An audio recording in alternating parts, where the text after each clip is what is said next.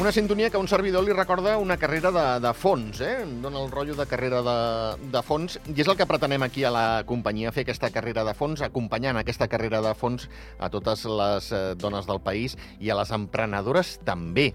Lara de Miguel, fundadora del Club Minerva. Bona tarda, benvinguda. Bona tarda. Tot bé? Tot superbé. Així m'agrada. les dones a tope? És que ens sentim molt poderoses. Això I aquesta és important. l'actitud. Esclar, no, no. Sí, sí, sí, molt bé, molt Sí, bé. sí. I quan venim acompanyades, encara més. Exacte, i avui vens acompanyada de Carla Patroni, eh? Exacte. Jo mateixa. Carla, bona tarda, benvinguda. Bona tarda. Què tal? Molt bé, molt contenta d'estar aquí. Gràcies, igualment, de que estiguis aquí. Escolta'm, explica'ns això del bar viking. Què vol dir això? Què, molt què, què és bé. això? Va, a veure. pues sí, sí, soc eh, una de les propietàries del Blot. És un bar viking que està a Canillo, al centre del poble. Eh, ja portem sis anys allà. Eh, vam obrir les nostres portes a l'any 2018. Eh, la idea va sorgir una mica de la necessitat de trobar un espai on estiguem còmodes, on estiguem a gust, un espai on el punt principal fos la cervesa artesana, que nosaltres érem consumidors i, i ens agradava molt i no en trobàvem en aquella època, menjar de debò, menjar casolà i, i un ambient molt agradable. Eh, vam estar dos anys fent una mica de feina d'investigació, Mhm. tant de mercat com d'espais on poder fer aquesta, aquesta, aquest projecte. I al final vam trobar una borda supermaca al mig de Canillo, eh, bueno, tota de pedra, fusta, la veritat és que és molt maca, i vam començar pues, allà. La idea, quan vam trobar el, el nom que volíem, que era Blot, eh, ens va acabar de quadrar tot.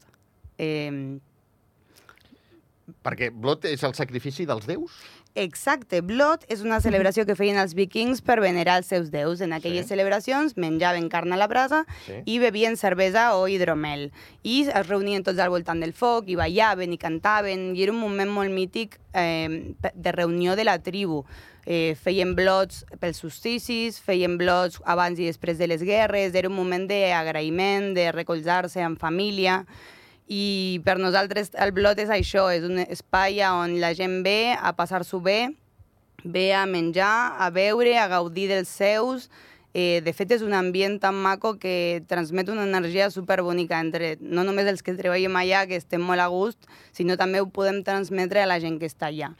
Carns a la brasa, deies, el- quan es feia un blot. Això vol dir que a Blot Canillo trobem carns a la brasa? Eh, una mica. Trobem carn a la brasa i també tenim hamburgueses, escalopes milaneses i després hi ha una mica de varietat. Tenim plats vegans i vegetarians, hi ha coses sense gluten. La idea és com...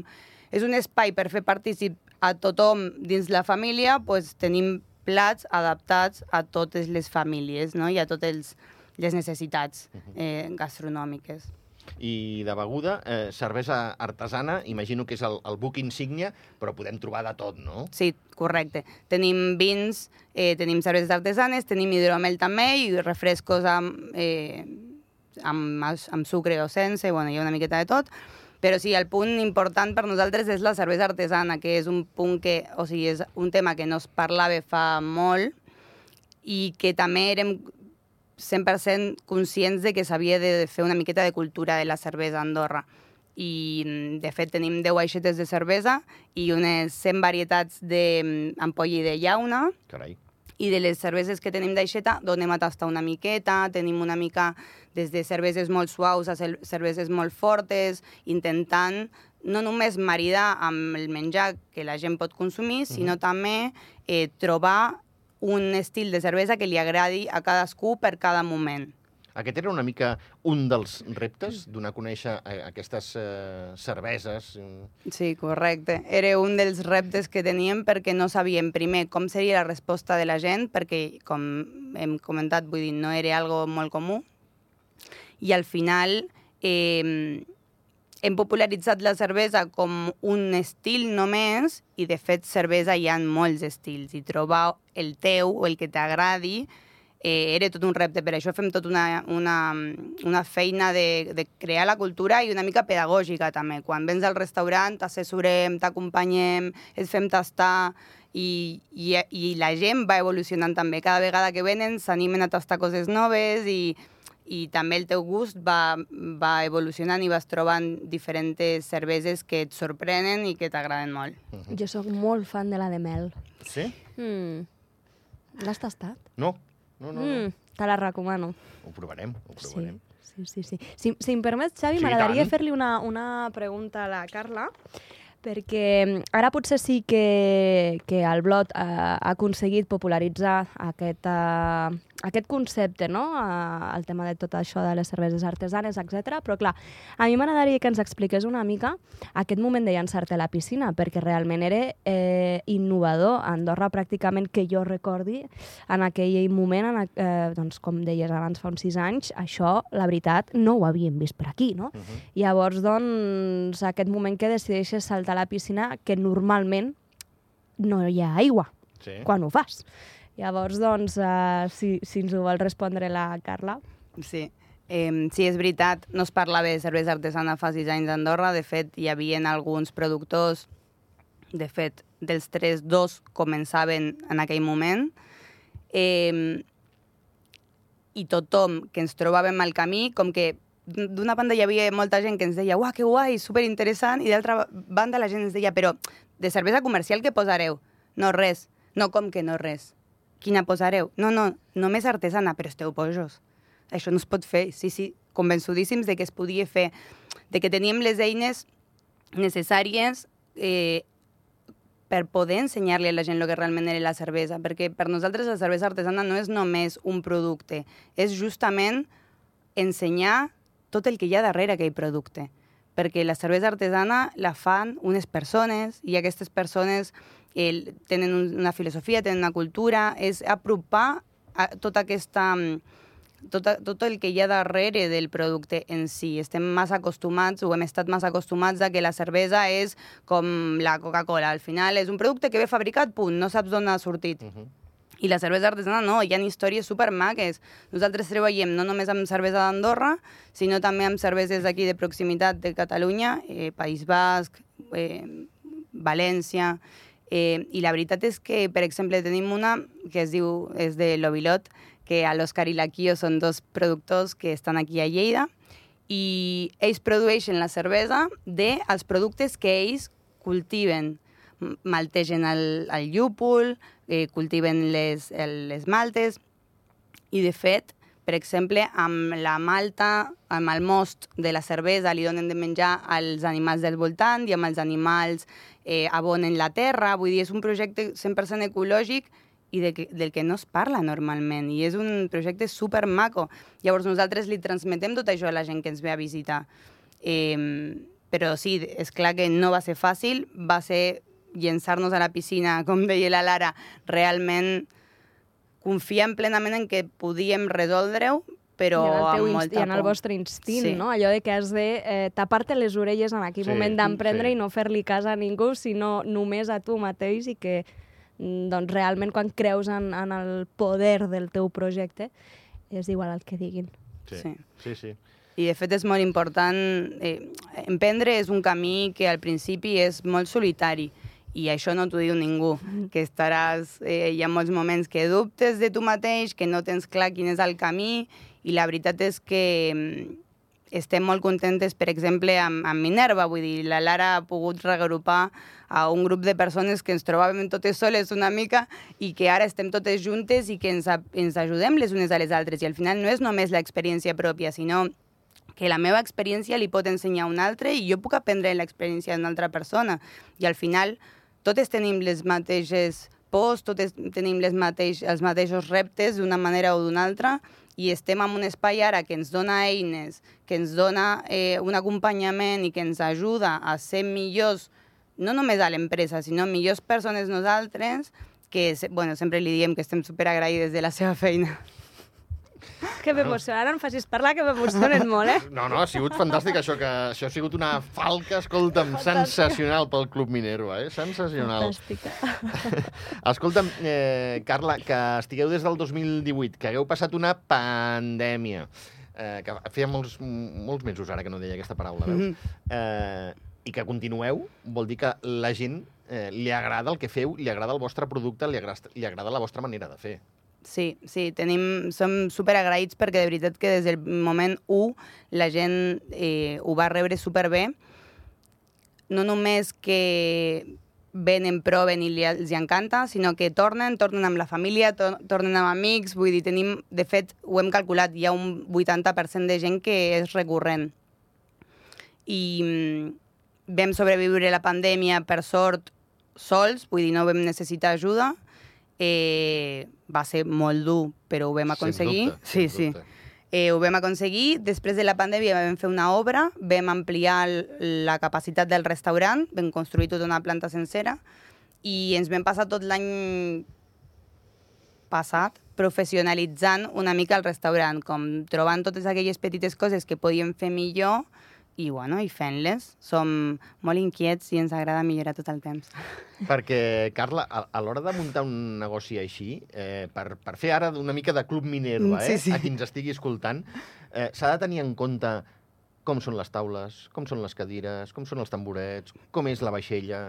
És que no, no ho havíem comentat encara i jo que he sigut eh, clienta de- d'aquest espai, realment és una experiència. És a dir, la, la Carla no només eh, amb, amb aquest concepte d'aquest restaurant del Blot és, no, bueno, nosaltres us oferim cervesa artesana, podeu menjar això, allà, allò, altre. No, però és que va molt més enllà d'això, és a dir, és que Uh, ma, jo m'atreviria a dir que no només vaig a consumir una cervesa o el que se m'ofereix de feina, vaig a consumir la experiència que t'està oferint aquest lloc. És a dir, des del mateix moment que entres, Uh -huh. és que és com si tu haguessis retrocedit eh, dos mil·lennis i t'haguessis convertit en una persona vikinga i estiguessis vi visquent allò a- ara mateix, no? O sigui, et sents un viking de l'època, no? Això no té preu, vull dir, és que... I, i ho aconsegueixen, ho han aconseguit. Uh -huh. uh, mira, abans de respondre'm aquesta de la vaixella i tot això, eh, t'ho dic perquè també la tenia apuntada, ara la, la Lara me l'ha deixat amb safata. Eh, el, el sopar és viking, però no em puc comportar com un viking, no? Perquè si tiro Em. dos mil anys enrere, igual vola alguna cosa. És veritat, és veritat. Ens, ens situem com uns vikings moderns, ¿vale? però sí. O sigui, la idea és prendre l'essència vikinga, no? Aquest, aquest moment de connexió amb la natura, amb la gent, però sí, no, no ens comportem com vikings de fa 2.000 anys, no? Sisplau, eh? Si us plau, no? No cal. Però, però sí és veritat que et transporta. És un espai... Jo crec que sempre parlem de lo mateix. Eh, és la suma de tots els petits detalls amb els que estem eh, pendents que fan que sigui una experiència. De fet, vam estar, que em deies de la mida de les cadires, vam estar dues setmanes escollint si les cadires eren de 73 centímetres d'alt o de 74. Llavors, 73 o 74 per Sí. un centímetre, de sí, debò? vam estar setmanes, eh? I que no, que la taula, que no dos centímetres més, que no més endavant, que més el, la mida dels plats, l'ample de les taules, perquè tot ha de tenir una, una coherència. Perquè, sí, clar, si els plats són molt grans i la taula és petita, no t'hi caben, Sí, sí, no? sí, bueno, sí. pues tot així. Sí, vam mirar cada detall. La decoració també ens vam assessorar a nivell eh, històric perquè, tot i que no volíem que sigui eh, exacte, volíem que sigui real, llavors ens vam assessorar perquè cadascun dels detalls que hi ha al voltant tingui una coherència amb la història. I la vaixella també? La vaixella, evidentment, com no podem utilitzar materials que no siguin aptes, eh, hem utilitzat els materials que semblaven més rústics, però que són fets actualment i que es poden posar al rentavaixelles i que tot correcte. Molt bé. I, però sí, la veritat és que hem, hem pensat en cadascun dels detalls i ho hem pensat molt. Fins i tot la música que es reprodueix, que he de dir, no és música vikinga, Val. perquè la música vikinga no estava dissenyada per escoltar-la com un film musical tot el Exacte, rato. Exacte. Eh, però bueno, és una música acollidora, o sigui, al final és, és tot això, és la gent que t'atén, els, els cambrers són superamables, eh, et poden aconsellar, eh, t'aconsellen les porcions. La idea és que realment, com deia la Lara, no? sigui una experiència agradable, una experiència positiva i que vulguis tornar. Seguint la broma de no comportar-se com un viking, em permetràs que et digui, tu i els socis que sou Mm. del Blot, esteu bé del cap? Eh, Perquè dues setmanes per decidir si un, una cadira és de 73 o 74 centímetres, la taula dos centímetres més o menys... Sí. Eh, No, realment no estem bé, val, no. Val, em deixes més tranquil, Sí, no? sí, no, som no, conscients. m'encanta que ho posis en relleu, perquè en aquell moment en el que estàs emprenent, que és tot nou, És que és que... brutal, això és pensar en tot. Això sí que és pensar en Clar, tot, eh? però és que arriba un punt que et fa dubtar un centímetre. Arriba un punt que abarques tant, que ho vols Mm. fer tot tan perfecte, que vols que tot sigui tan... això, no? Sí, sí, tan sí, sí, perfecte, Que, que arribes al punt de dir, "Os- ostres, i per un centímetre dubto, no? Mm. O sigui, és que... No, Però no, bueno, xapó, eh? A banda de la broma, xapó. Sí, sí, sí. Clar, no, però sí. sí, sí, sí, vam estar, som, som dos socis i, i vam estar setmanes, eh? I, I això, cadascuna de les coses meditades, jo que sé, per exemple, la música, hi ha playlists específiques que es reprodueixen, no es pot reproduir qualsevol cosa. O sigui, hi ha playlists, tenen 14 crec que actualment, els nois poden escollir pues, una miqueta amb el mood de l'ambient que hi ha aquest cada dia, però està tot fet de manera de que es respecti l'experiència. Et pot agradar més o menys, però Sí, sí, no, que no, tingui clar. una coherència, no? Sí, sí, sí, sí, fantàstic. No, no, brutal. Escolta, ara ja em fa por preguntar-te això. Idees de futur? Mm, que bona la teva pregunta. Eh, bueno, la veritat és que portem un any professionalitzant, com us deia abans, no? professionalitzant l'empresa amb petits aspectes que sentíem que ens mancaven, eh, amb l'objectiu d'expansió. Sí, eh, portem uns vuit mesos rebent, eh, bueno, fent entrevistes i rebent candidats per ampliar-nos cap a Barcelona i Madrid, que són els dos punts um, amb els que estem pensant, eh, tot i que hi ha ofertes d'altres puestos, però bueno, veníem aquí i estem treballant en obrir el centre d'Andorra. Andorra o Escaldes encara no ho hem decidit, però estem treballant per això. La idea és poder reproduir això que fem a Canillo amb un altre puesto. La veritat és que hi ha moltíssima gent que ens diu eh, que per què no estem a la seva ciutat, que venen, tenim molts turistes que venen a visitar-nos i que ens, deien, eh, ens diuen concre concretament això, no? Per què no esteu aquí i allà? Bueno, no podem estar de moment a tot arreu, però estem treballant en això. Uh, en la d'Andorra o Escaldes, Mm. intueixo que serà vostra. Sí. Eh, Madrid, Barcelona, eh, Pamplona, Sant Sebastià, seria franquícia? Sèrie franquícia, eh, sí, o aquest, o hi ha diferents formats de franquícia, però sí, la idea és agafar altres socis perquè al final no et pots encarregar de tot. Eh, però estem molt il·lusionats. Tenim dos allà pendents a Madrid que estem allà negociant, que estan allà a prop, però al final és el nostre somni poder reproduir això i que la gent que ve aquí i que gaudeix amb nosaltres actualment pues cada vegada sigui més. I al final, com si no podem portar tots a Canillo, pues portem-li blot a tot arreu. M'estic imaginant, Lara, la futura, i espero que sigui així, franquícia a, al País Basc i que la Carla els expliqui las mesas tienen que ser de, de, de estos centímetros. 73? I, sí, i l'altre dirà, ai, va, hòstia, hombre. Diu, no, que me llevó dos semanas pensarlo. Tu no saps el que m'ha costat. Exacte. No, és que molta gent, és, és, sempre ho parlem amb la Lara, vull dir, hi ha molta gent que no és conscient de la feina que hi ha darrere de qualsevol, de qualsevol Projecte. Projecte. Sí, sí, sí, sí, sí, correcte. No, no només el nostre. Eh, estem rodejades d'emprenedores fantàstiques que tenen uns projectes eh, lo mateix, no? que passen moltíssim temps pensant cadascun dels detalls i la veritat és que moltes vegades no, no sabem apreciar la feina que hi ha darrere no? i també visibilitzar tot, eh, tot el que implica tenir un projecte propi no? I, i que no és només un projecte i ho fas i ja, no? tu fiques el cor, fiques l'ànima, ho dones tot per el projecte i per nosaltres és molt important que la gent sàpigui que, que tota la feina i tot l'amor que li posem, no? Uh -huh. Sí, sí. Bueno, això li va passar fins i tot a, amb, amb una superestrella com, com l'Adele, eh?